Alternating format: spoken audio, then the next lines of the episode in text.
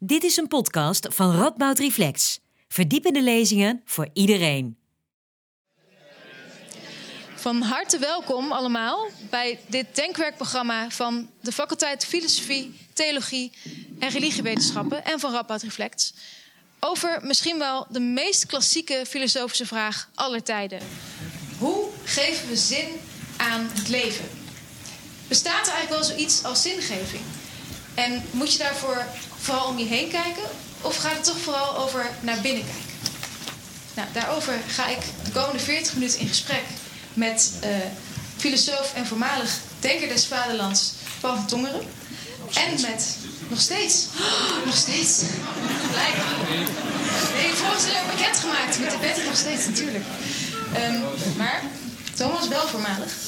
Oké, even, even controleren. met um, voormalig theoloog des Vaderlands en uh, Benedictijnse monnik uh, Thomas Kwartier. Um, mijn naam is Pam Teunissen. Ik ben programmamaker bij Rapport Reflect. En ik zal de komende 40 minuten uh, modereren. Um, mocht u nou straks aan het eind van dit programma vragen hebben aan de sprekers, um, dan kan dat, maar wel buiten de zaal. Dus dan kunt u naar het zaaltje gaan in de hal, wat daar speciaal voor is ingericht. Maar daar kom ik straks aan het eind van het programma nog even op terug. Uh, ik ben door de vorige sprekers van het programma hiervoor gevraagd, um, namelijk door Dinda uh, en Emma Linsen, uh, om nog heel even te vertellen, dat was ik vergeten, dat zij de voorstelling die in het vorige programma een rol speelde over de dood, dat zij die in hun geheel gaan spelen de komende zondag in de Tiemeloods. Um, dus voor degenen die daarin geïnteresseerd zijn, dan, dan weet u dat. Dat is in de avond. Goed, dan gaan we nu wel verder over zingeving. Um, laten we dan uh, beginnen. Welkom, uh, Paul. Welkom, Thomas. Um, ik zou graag willen uh, beginnen bij een hele fundamentele vraag. En die ga ik aan jullie allebei stellen. Maar ik begin bij jou, Paul. Wat is zingeving volgens jou? Om maar even heel makkelijk te beginnen. Eerlijk, eerlijk, gezegd weet ik dat niet, om, eh, omdat ik uh, steeds meer moeite heb met dat begrip zingeving en betekenisgeving. Um, In welke zin? Als zin iets is wat je geeft, als betekenis iets is dat je geeft, dan kan het niet zo problematisch zijn dat we daar voortdurend over moeten praten en denken. Dan moet je dat gewoon doen, dan geef je dat. Maar ik geloof niet dat het zo is. Ik geloof helemaal niet dat we betekenis geven. We geven interpretaties van een betekenis die we waarnemen. Betekenis is iets wat we ervaren, wat we voelen, wat we ruiken, wat we horen. Al onze zintuigen zijn op de eerste plaats volgens mij sensoren van betekenis. En wij vangen voortdurend betekenis op en proberen die vervolgens te interpreteren door de manier waarop we erover spreken. Maar we geven geen betekenis. En wat is dan die betekenis? Dus, dus dan heb ik het niet over betekenisgeving, want dat bestaat volgens mij helemaal niet. Dat is een rare illusie. Wat is dan die betekenis? Nou ja, dat is wat onze zintuigen voortdurend voelen, horen, ruiken enzovoort. Je komt ergens binnen. En behalve dat je ogen en je, en je neus en weet ik wat allemaal iets registreren aan de, aan de omgeving, voel je ook meteen, zie je ook meteen, hoor je ook meteen of het een aangename ruimte is of een, of een bedreigende ruimte. Dat zijn allemaal betekenissen. Maar waar komt dat dan vandaan? Want als, jij, als je een, een zaal binnenkomt en je, en je krijgt allerlei ja, zintuigelijke input uit die zaal, hoe krijgt dat dan betekenis als je dat zelf er niet aan geeft? Je, je ziet, beteken, je ziet uh, betekenis, je ziet een bepaalde kwaliteit. Je registreert niet alleen feitelijkheden, maar je ziet of je voelt of je hoort een bepaalde kwaliteit. Als je zo, het, het, standaard voorbeeldje wat ik. Het is een standaard geworden omdat ik nu twee jaar bijna dagelijks daarover praat. Uh, en ik hoor mezelf het steeds meer herhalen. Maar goed, het is een, een, voorbeeld wat ik niet voor niks gekozen heb. Als je ochtends de gordijnen open doet en je ziet een mooie blauwe lucht. Dan zeg je een mooie blauwe lucht. Dat zijn twee betekenissen. Mooi en blauw. Dat is geen registratie van een feitelijkheid. Dat is een interpretatie van de betekenis die je waarneemt. Waar komt dat dan vandaan? Ja, van die mooie blauwe lucht. Daar ga ik straks nog even verder op doorvragen. Maar ik wil toch eerst even Thomas de kans geven om, uh, om er ook even iets over te zeggen. Ja, je hebt het voordeel dat ik nu al alle mogelijke prikkels natuurlijk me heb. Wat betekent dit? Tot me heb kunnen nemen om over het concept zingeving na te denken en wat ik er nou van vind. Laat ik zeggen, ik heb er evenveel moeite mee als Paul. Uh, om diezelfde reden dat ik dus uh, eigenlijk had gedacht dat wij veel meer van elkaar zouden verschillen, maar ik heel erg mee kan in datgene wat je waarneemt en dat dat eigenlijk ook de betekenis is waar, uh, waarom ik er ook moeite mee heb en daar verschil ik toch wel iets van jou, is dat we zeggen: het zit meteen in de articulatie en interpretatie van die primaire betekenis. Dat weet ik dus niet. Kijk, voor mij is zingeving een praktijk. In eerste instantie is het een verzameling van praktijken, veel meer dat het iets is dat altijd op een intellectuele of verbale manier rechtstreeks gearticuleerd kan worden.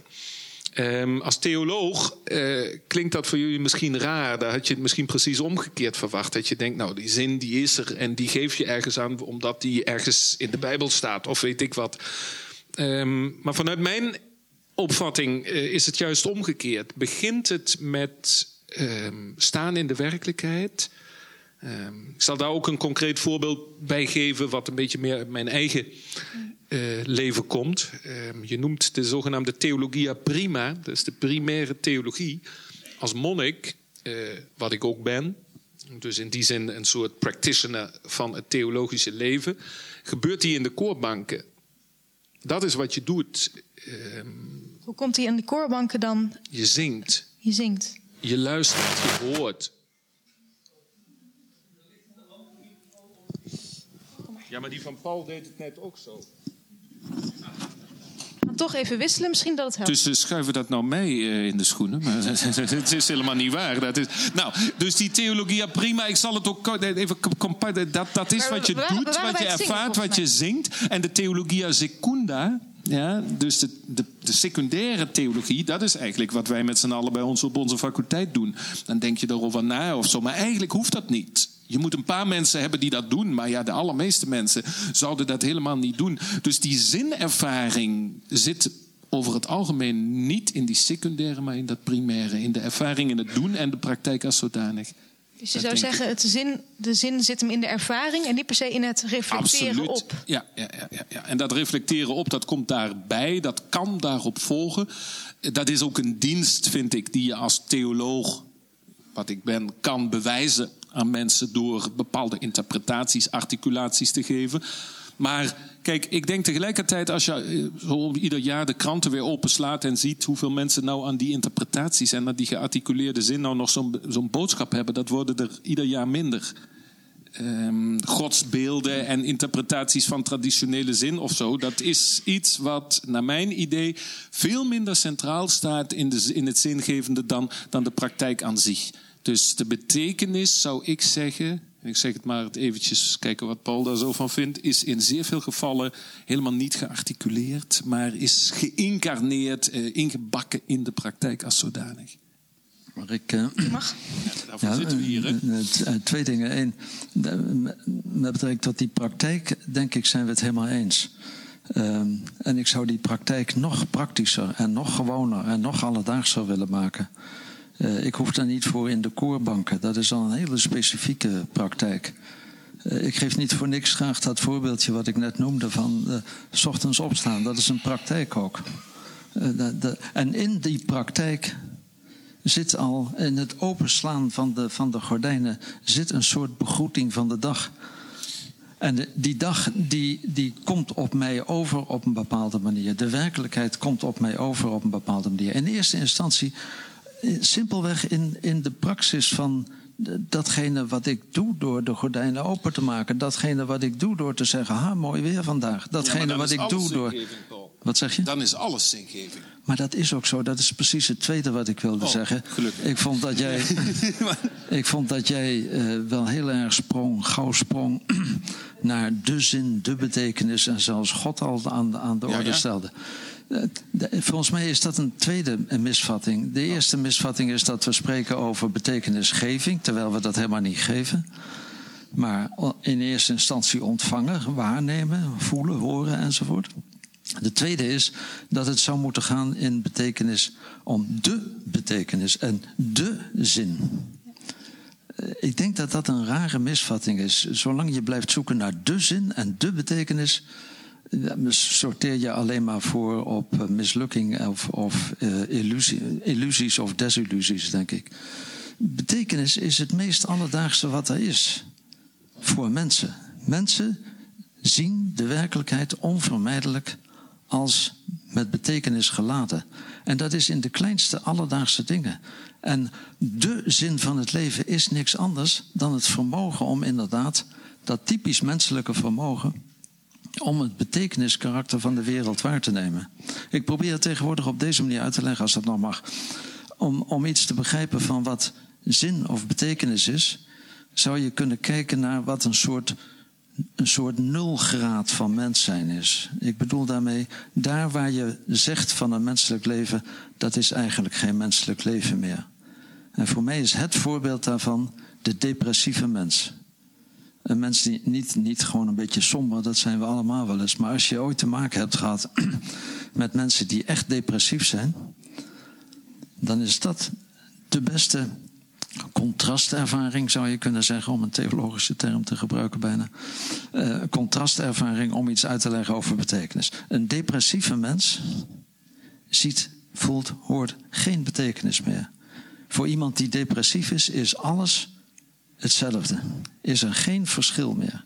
Is er geen verschil tussen mooi en lelijk, tussen goed en slecht, tussen uh, wat voor kwaliteiten we ook van elkaar kunnen onderscheiden. Alles is hetzelfde. Niets heeft meer iets te zeggen. De werkelijkheid spreekt je totaal niet meer aan. Het is allemaal dood. Dat noem ik de nulgraad van het mens zijn.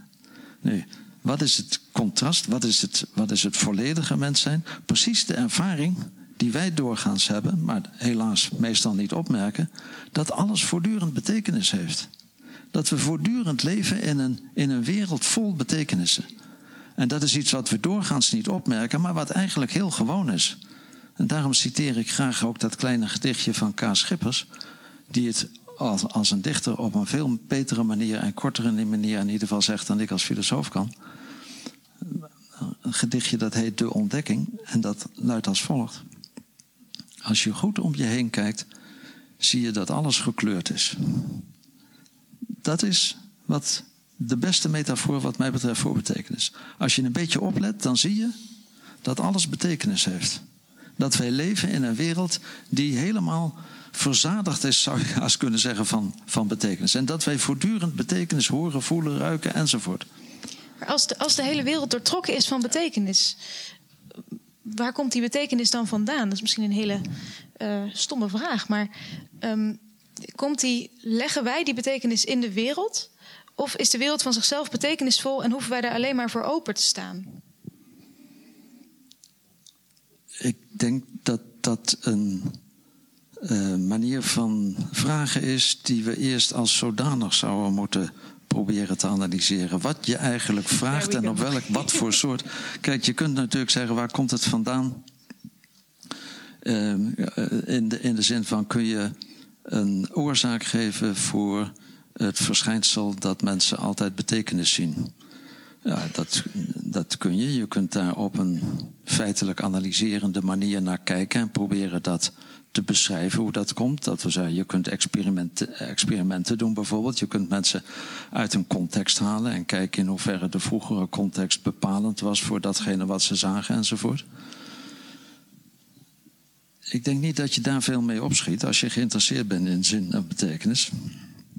Evenmin als je veel opschiet met een theorie over op welke manier het licht gebroken wordt, zodat het bepaalde kleuren laat zien aan een instrument als onze ogen zijn enzovoort. Daardoor zie je geen betere kleuren. Dus als je die vraag stelt, dan kunnen we een theorie over de manier waarop contexten bepalend zijn voor betekenissen ontwerpen en die toetsen op een bepaalde manier. Maar dan hebben we het niet eigenlijk over de ervaring van het zien van betekenis. Als we die ervaring willen verhelderen, dan kunnen we alleen maar beschrijven wat er gebeurt. En dan kunnen we alleen maar beschrijven dat die betekenis er altijd al is op het moment dat wij erover spreken. Ik sta nooit voor de betekenis, zodat ik hem vervolgens kan gaan geven. Niemand heeft ooit de gordijnen open gedaan en gedacht: welke betekenis zal ik hier nou eens aan geven? Maar hoe komt het dan toch dat er zoveel mensen zijn die die, die betekenisloosheid ervaren? Dat je toch al veel om je heen ziet en hoort. Ja, dat, en daarvoor citeer ik graag dat gedichtje van uh, K. Schippers. Die zegt: Als je goed om je heen kijkt, zie je dat alles gekleurd is. Dat wil zeggen, iedereen ziet dat altijd voortdurend. We zien de hele dag voortdurend kleur. Maar je moet wel goed kijken om te zien wat je altijd al, altijd al zag, maar niet opmerkte. Dus wat is het antwoord, heel kort gezegd? Aandacht. Omdat we er geen aandacht voor hebben. Dus filosofie is denk ik een oefening in aandacht. In aandachtig aanwezig zijn bij datgene wat we doorgaans niet opmerken, omdat het in de vanzelfsprekendheid verdwijnt. Omdat het in het vooroordeel verdwijnt dat zegt, ach, betekenis is iets wat we geven. Er zijn allerlei manieren waarop we niet meer opmerken, waarop we als het ware wegwerken uit onze ervaring. Datgene wat op een heel elementaire manier iedereen onmiddellijk kan zien. Je hebt al de betekenis gezien voordat je die betekenis interpreteerde, voordat je er een woord aan gaf, voordat je er een, een, een, een vertaling van maakte. En dat alledaagse. Een heel simpel gegeven, wat inderdaad primair in praktijken, dat we zeggen, in het open doen van de gordijn, in het begroeten van iemand, in, het, in de manier waarop je uh, datgene leest. Hè. Vervolgens, je hebt de gordijn open gedaan, je aangekleed, je gaat naar beneden en je leest de krant. Je leest de krant en je leest betekenis. Ik heb met studenten wel eens een oefening gedaan. Sorry, nou, dan hou ik op hoor. ik heb met studenten wel eens een oefening gedaan met, met krantenpagina's. Uh, een willekeurig stuk uit een willekeurige krant. En ik heb gezegd: maak elk woord zwart, onleesbaar. Wat naar betekenis verwijst. En wat iets anders doet dan een feit beschrijven, een feitelijkheid weergeven. Krijg een zwarte krant. Precies. Nou ja, je houdt lidwoorden en voegwoorden over, maar dat is het ongeveer. Het, het, is in het lezen van de krant ben ik voortdurend met betekenis bezig. In degene die tegenover me komt, komt zitten en, en die ik wel of niet begroet, die ik wel of niet op een bepaalde. Dat, dat is allemaal omgaan met betekenis. In die alledaagse praktijk zit de betekenis, wat, die we doorgaans niet opmerken en waarvoor een beetje aandacht nodig is om dat wel op te merken, denk ik. Je wil een aantal keer inspringen, Thomas. Ja, ja, nou ja, nee, goed. maar um, kijk, ook daar weer veel, veel overeenstemming. Um, je zou kunnen zeggen, uh, eigenlijk wat ik net probeerde te zeggen aan de hand van praktijken. En daar zit ook straks het verschil. Uh, ik zou dat dan geen misvatting noemen, maar wel een, een verschil tussen onze, onze, onze twee benaderingen. Um, kijk, dat is het volgende. Laat ik, ik dat zo zeggen, Paul. Waar, waar ik een beetje over val, dat is de vraag van... ik kan dat vanuit, ik zeg maar wat kentheoretisch opzicht... vanuit algemeen filosofisch opzicht... kan ik jou daar helemaal in volgen. Um, en zie ik ook een overeenkomst. Zoals je weet hou ik mij met rituelen bezig. Kijk, er zijn mensen die zeggen, die maken het ritueelbegrip zo breed. Dat je, als je nou zegt een ritueel is een gestructureerde behandeling, handeling met betekenis. Daar zit een raakvlak, dat is een, dat is een uh, definitie die ik zelf daarbij hanteer. Dan kun je dat zo breed maken, wat jij net nu eigenlijk doet, dat alles ritueel is. Dus eventjes uit die hoek komend dat, daar kan ik me gecharmeerd door voelen als denker en ook als mens, als degene die dat ziet. Maar tegelijkertijd heb ik ooit in mijn studie geleerd, als een definitie alles omvat, omvat die ook niks meer. Uh, dan weet ik niet meer waar het over gaat. Dan weet ik niet meer waar je het over hebt als het over betekenis gaat. En laat ik dat als het volgende proberen te verduidelijken. Jij zegt net op het einde, goh ja, daar is een beetje aandacht voor nodig. Ja, daar zit het hem nou juist in. Dat is één punt waar ik toch graag ook nog eens van jou of met jou over zou willen doorpraten. Kijk, die aandacht, daar kun je van zeggen, ja, die is er vanzelf. Als je maar goed kijkt in dat gedicht. Nou, daar ben ik dus niet mee. Omdat ik denk, nou, alle rituele tradities Bijvoorbeeld zoals een monniksleven. Daarom noemde ik net die koorbanken. Je hoeft daar niet per se die koorbanken voor in. Doe iets anders of zo. Maar om nou te zeggen, het is niet zo alsof er nou precies die aandacht focusende dingen eh, praktijken bestaan, in eeuwenoude tradities die zo oud zijn als de mensheid, die brengen ons toch bij bepaalde momenten waar mensen voor een ultieme betekenis openstaan, die anders is dan als ik mijn ei opensla en denk lekker. Wat ook al een bepaalde betekenis is in de hele brede zin. De ultieme betekenis ontsluit zich ehm, potentieel op ieder moment. Als ik eventjes de regel van Benedictus mag citeren. Als jij met een gedicht komt, kom ik met de regel van, van Benedictus. Benedictus zegt, is een van de weinige passages, beste mensen, die ik uit mijn hoofd ken. Um, eigenlijk de enige, maar dat even Moet je daar niet bij zeggen? Nee, nee, maar ja, ik ben, je moet eerlijk zijn. Hè, dat is, weet je, hij doorziet dat meteen, want hij kijkt goed. Hij is een aandachtig, aandachtig mens. Um, God, zegt Benedictus, wij geloven dat God overal aanwezig is en dat de ogen van de Heer op elke plaats de goeden en de kwaden bezien.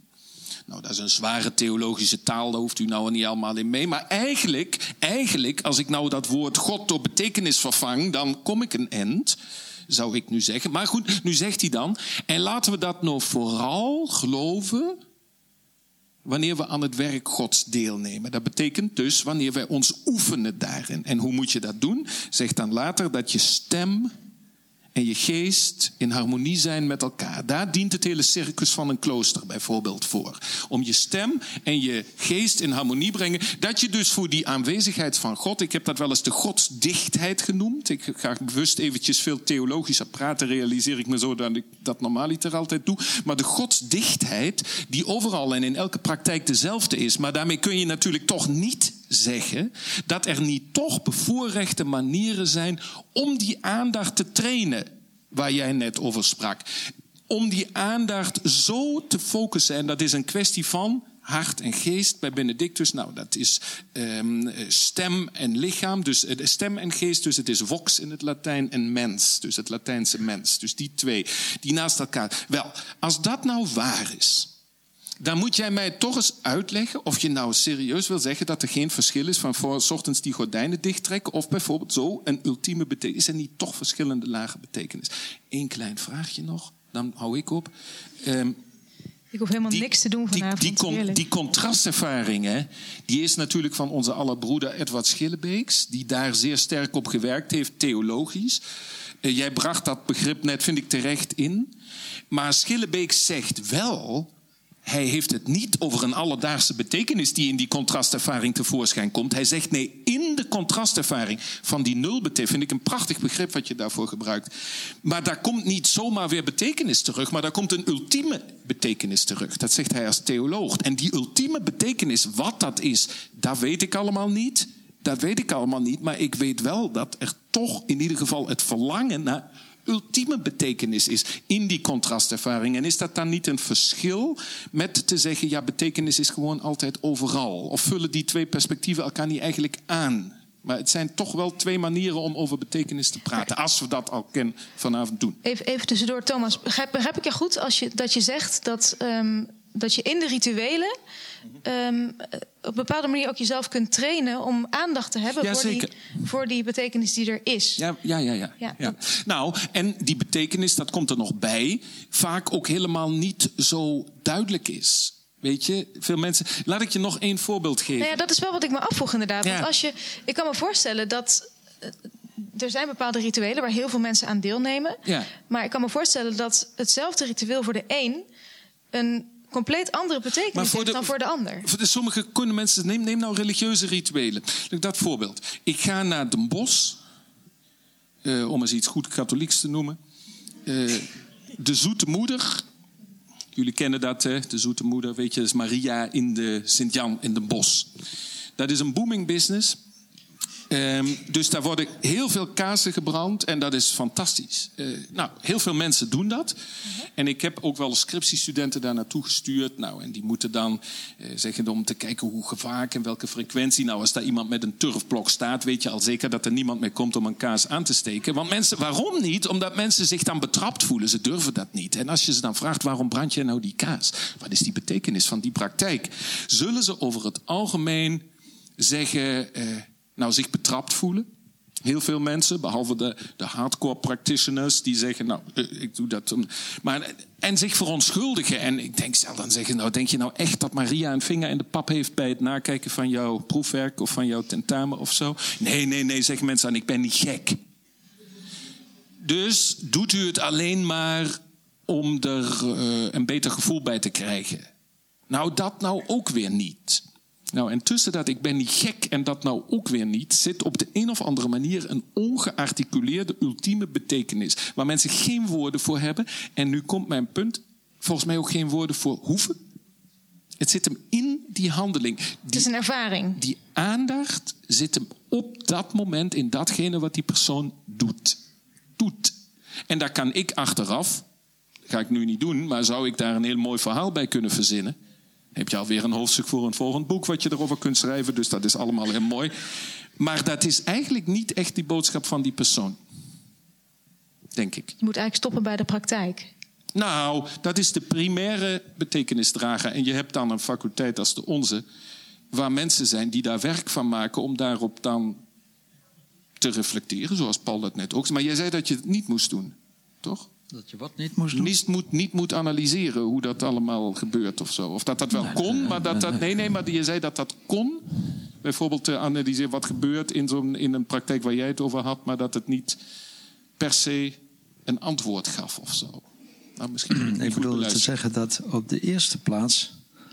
betekenis heel alledaags is.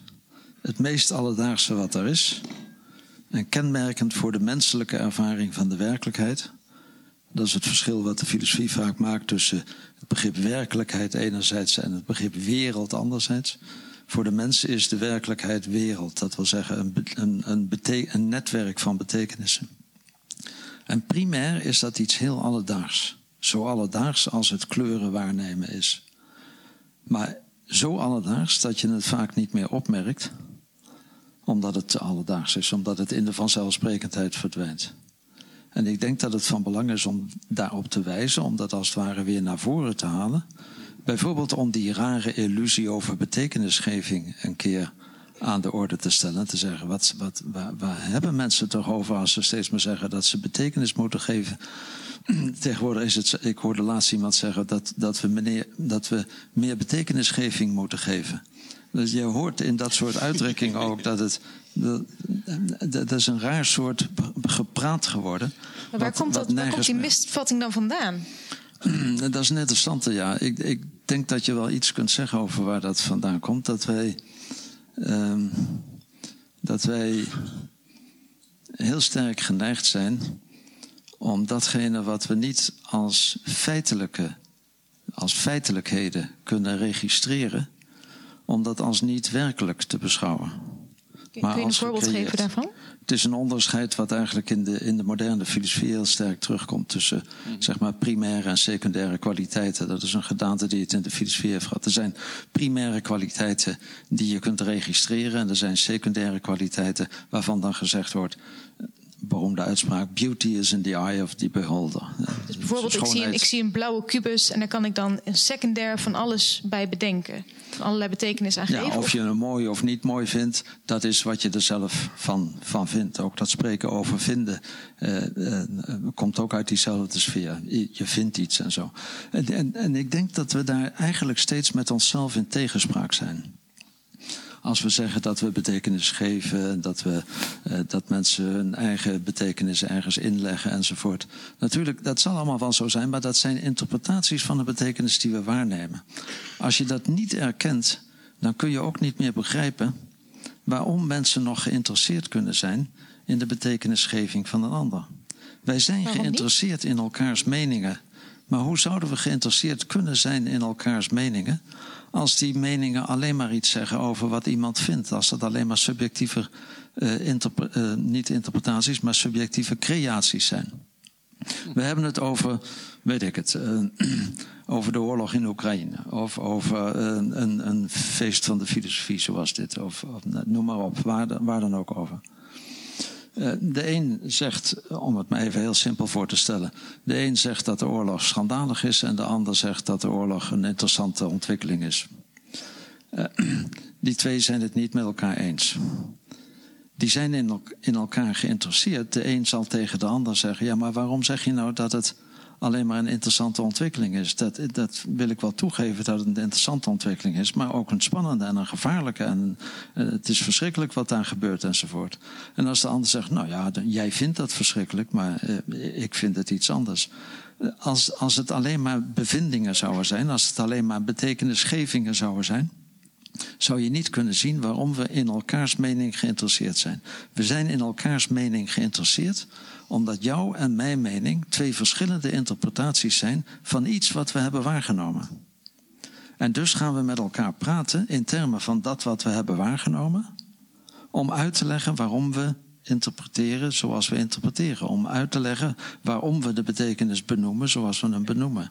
Maar dat is in een verwijzing naar een betekenis die we hebben waargenomen omdat we die, interpreta omdat die interpretatie volgt op iets wat we hebben waargenomen, kunnen we in termen van dat wat we hebben waargenomen met elkaar spreken over of onze interpretatie meer of minder klopt. Kan ik proberen iets te leren van wat iemand anders. Maar als het alleen maar creaties zijn, wat, wat heb ik eraan? Dan wordt elk gesprek over uh, betekenissen, dat wordt vergelijkbaar met uh, als, als jij zegt dat je appelstroop lekkerder vindt dan, dan aardbeienjam... en ik zeg dat het andersom is bij mij, dan, nou ja... Daar valt niet zo lang over door te praten verder. Dat is ook niet interessant. Maar gesprekken over interpretaties van de betekenis zijn wel. Als, als iemand de gordijnen open doet en zegt: Ha, mooi weer. En degene die nog in bed ligt zegt: Wat, noem je dat mooi weer? Dan voel je dat als een probleem. Dan zeg je: Maar dit is toch wat wij mooi weer noemen?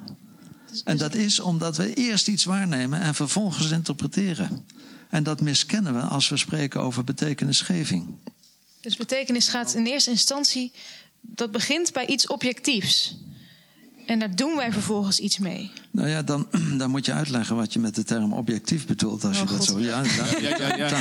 Taal, taal is. Nee, maar, maar heeft, daar, daar speelt een belangrijke ding een rol. Want kijk, als wij objectief weer gaan verstaan in de zin van als feitelijk geregistreerd, dan is het natuurlijk niet zo. Een betekenis wordt nooit als feitelijk geregistreerd. Je kunt het mooi zijn van het weer nooit feitelijk registreren. Misschien dan als iets waar wij het over eens zouden kunnen zijn. Waar wij een gedeelde ervaring over kunnen hebben. Ja, en niet alleen omdat we alle twee hetzelfde vinden, want we alle twee appelstroop lekkerder vinden, dat, daar gaat het niet om. Maar omdat we zien dat we de manier waarop we het uitdrukken klopt op een of andere manier. En, en de enige manier waarop we dat kunnen proberen te vinden is door elkaar te overtuigen. En vervolgens vast te houden dat het nog steeds geen registratie van een feit is. En dus altijd de mogelijkheid van dissensus, van iemand die zegt: Ik denk toch dat jullie het niet goed zien, eh, om die voortdurend open te houden. Dat is de kunst van het omgaan met betekenis. Dus ik ben wel begonnen op die heel simpele manier van... Het is iets heel alledaags en het begint dan als je s'morgens opstaat enzovoort. Dat is zo. Maar daar zit natuurlijk wel veel meer aan vast. Het is een gelaagdheid van betekenis. Er is een onderscheid te maken tussen typen van betekenis, soorten van betekenis. Er is een, en dan kom ik op jouw rituelen tot slot nog even. Uh, er zijn verschillende praktijken waarin je jezelf kunt oefenen in die aandacht voor het betekeniskarakter van de werkelijkheid.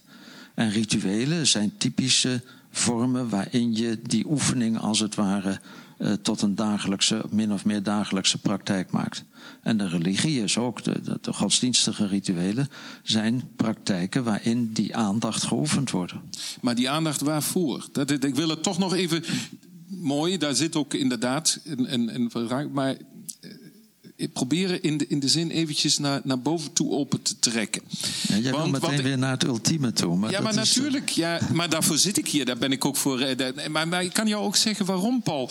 Kijk, natuurlijk, die, um, niemand zal ontkennen en dat vind ik ook heel waardevol in wat je zegt. Maar dat het, de waarneming van datgene en die betekenis, dat kan ik allemaal helemaal volgen. Daar zitten natuurlijk wel, en dat weet jij even goed als ik, en daar zitten natuurlijk altijd ook assumpties onder. Wat nou die relatie tussen betekent, hele verschil, dat kunnen we vanavond onmogelijk allemaal uitspitten.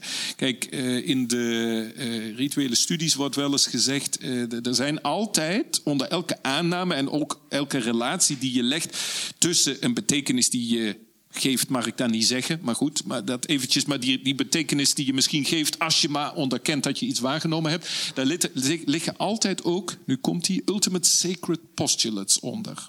Bepaalde aannamen die je nodig hebt als een soort toch extern, noem het van mijn pad transcendent, noem het niet empirisch, referentiepunt waar je die betekenis aan relateert. Want anders kun je daar kentheoretisch misschien wel een goede uh, analyse op toepassen. Je kunt een, die, een, een, gesprek daarover hebben, over de jam of de stroop, uh, al dat soort dingen. Maar ik vind het bij de oorlog bij Oekraïne vind ik het al moeilijker worden. En wel om de volgende reden die jij net noemde. Kijk, het gebeuren aan zich en de waarneming, noem het even van de empirische werkelijkheid, maar noem, hoe je hem ook wilt noemen, datgene wat je dus in de letterlijke zin, wat je kunt waarnemen, is naar mijn idee niet alleen hetgene wat die, die dialoog, of jij noemt dat elkaar overtuigen, discussie, hoe je het ook wilt noemen, kan leiden. En ook niet, de facto ook niet alleen maar leidt. Het is niet alleen maar een kwestie van waarneming en betekenis. Het is ook een bepaalde driehoek en die hoef je niet theologisch te vullen. Dus daar ben ik helemaal de laatste die dat zou zeggen. Ik doe dat vaak ook niet. Je hoeft, kijk, voor mij is het woord God in die zin een heel open begrip. Dus ik ben daarin, maar noem het hoe je het ook wilt noemen. Naar mijn idee is dat absoluut noodzakelijk om elkaars betekenissen daadwerkelijk naast elkaar te kunnen leggen en elkaar überhaupt te kunnen begrijpen. Want wij kunnen heel goed naar dezelfde tv-uitzending kijken over die oorlog. En nou ja, het was jouw vakgebied, maar als je dan, zoals ik in ieder geval, ook een ethisch debat opvat, een ethische discussie, zul je toch niet ontkomen aan een betekenislaag die zich juist ook, die boven dat empirische uitstijgt. Dat kan toch niet? Waarom niet? Nou, omdat anders het puur een vergelijking is tussen ja, jij neemt het zus waar en ik neem het zo waar. Maar ja, dan heb ik toch een bepaalde, ja, noem het een idealistische laag, noem het een weet ik wat. Ik noem het een maar, maar zeggen jullie dat niet eigenlijk gewoon hetzelfde? Want Misschien, dat weet ik niet. maar ik hoor hem over dat idealisme niet praten. Nou, ik hoor, ik hoor, ik hoor Paul wel praten over een soort objectieve um, uh, laag waar je uiteindelijk het met elkaar um, over kunt hebben. En en dat klinkt een beetje als, als Begrip objectief heb ik, de, gevraagd ja, wat je daarmee bedoelt. Ja, ja, dat klopt. Ja, dat, dat moest ik definiëren. Nee, maar dat, dat, dat, dat klopt. Dus de, de, ik denk dat ik de vraag begrijp. Ik denk dat we in zekere zin het met elkaar eens zijn, maar dat er in die eenstemmigheid een interessant verschil zit. Namelijk. We zijn het. Eh, in, ik ga er rechtop voor zitten. we zijn het met elkaar eens in zoverre uh, ik ook probeerde duidelijk te maken dat als verschillende interpretaties van de betekenis met elkaar geconfronteerd worden, dat ze door elkaar uitgedaagd worden. En dat mensen die op die manier die, die, die ervaring hebben, zullen proberen om in termen van dat wat ze hebben gehoord, gevoeld, waargenomen, in termen van datgene proberen uit te leggen waarom hun interpretatie klopt. Hoezo in termen van datgene? Nou ja, dat is wat je doet. Als, als ik, ja, dat kun je wel zeggen, maar dat is een ultimate sacred postulate. Dat je dat zegt, ja, dan nou, maak je... Maar daar, daar komt het, het puntje van verschil. Dus er is inderdaad een, een driehoek, zou je kunnen zeggen. Jij en ik spreken met elkaar over iets. En we refereren aan dat iets in onze interpretaties, want we hebben beide een verschillende interpretatie van dat iets. En we refereren aan dat iets in ons gesprek. Mhm. Nu ga jij van dat iets meteen iets maken waar je ook als theoloog of anderszins nog iets van weet. Mhm. Maar dat is het probleem, dat weten we niet. We hebben onze interpretatie daarvan. Dus wij verwijzen naar iets wat we niet kennen. Is dat het misschien en de dat tweede, is het probleem wat ik heb met die, met die ultimate meaning, of hoe je het zou willen noemen. Uh, dat de, de theoloog, of misschien zelfs wel de gelovige, die, die, die, het hoeft niet die heeft te zijn, al iets. Nee. nee. Hoewel. Uh, nee, maar goed, dat is een nee, ander. Het hoeft niet hetzelfde te zijn, maar. Um, die, die heeft iets die, waarvan ik denk, ja, maar dat, ik, ik zie niet hoe je dat kan hebben. Maar jij hebt dat toch ook. Dat is, ja, maar dat is toch precies hetzelfde. Dat jij, kijk, ik heb toch in mijn filosofiestudie, die in een ver verleden ligt, hè, heb ik ongeveer alles geleerd te kunnen relativeren tot en met hier dat waarnemingsbetekenismodel waar jij vrij vanzelfsprekend van uitgaat dat het zo is en zo werkt. Jij weet, jij weet veel beter, duizend keer beter dan wie dan ook hier in de zaal, dat er ook filosofische stromingen zijn die daar juist dat helemaal in twijfel trekken, die daar helemaal niet in meegaan. Dus jij gaat toch ook van dit model uit en zeggende, dus de betekenis ontdekking, of hoe je het ook wilt noemen, van de mens, ja, dat noem jij zelfs een wonder. Nou, als dat nou nog niet een, dan een driehoek is, ja, dat gebruiken zou ik niet Dat alleen, kijk, denk ik, dus dat vind ik het, inderdaad het interessante verschil. De vraag of nou voor de articulatie van, van dit specificum, of hoe je het ook wilt noemen, of je daar dus een niet eigenlijk ergens een theologische snaar in raakt. En ik zou zeggen, met een heel breed theologiebegrip, zou ik er ook best met jou de degens over willen kruisen dat dat zo is. Dat is ook die kwestie van articulatie, ja of nee, enzovoort. Maar ik zou nooit zeggen dat je dat moet. Dat zou ik nooit zeggen. Maar ik vind dat jij het toch moeilijk kunt ontkennen als je zegt dat wonderbaarlijke van wat er gebeurt, ja, dat is in ieder geval open voor een theologische interpretatie aan mij nu de onmogelijke taak om iemand het laatste woord te geven. En ik ga hem hij zelf... had het eerste en hij kreeg het laatste. Ik ga hem zelf pakken, want we zijn aan het eind van de tijd. Oh. En daarvoor hebben we doordenken, gelukkig. Dat is het uh, zijzaaltje onderaan, uh, onderaan de trap hier in de, in de hal. Um, dus daar ga ik jullie zo meteen naartoe sturen. Voor degenen die vragen nog hebben aan, uh, aan Paul en Thomas, die mogen met hun meegaan. Um, zo dadelijk hebben we hier in de zaal een spreker, of twee sprekers moet ik zeggen, um, die het gaan hebben over superhelden in het oosten en het westen. Dus mocht je daar nou nieuwsgierig naar zijn, uh, kom dan vooral zo dadelijk even terug. Ik wil jullie, ook al zijn we er niet helemaal uitgekomen wat nou precies betekenisgeving is. Dat, zingeving zijn. Zingeving, ja.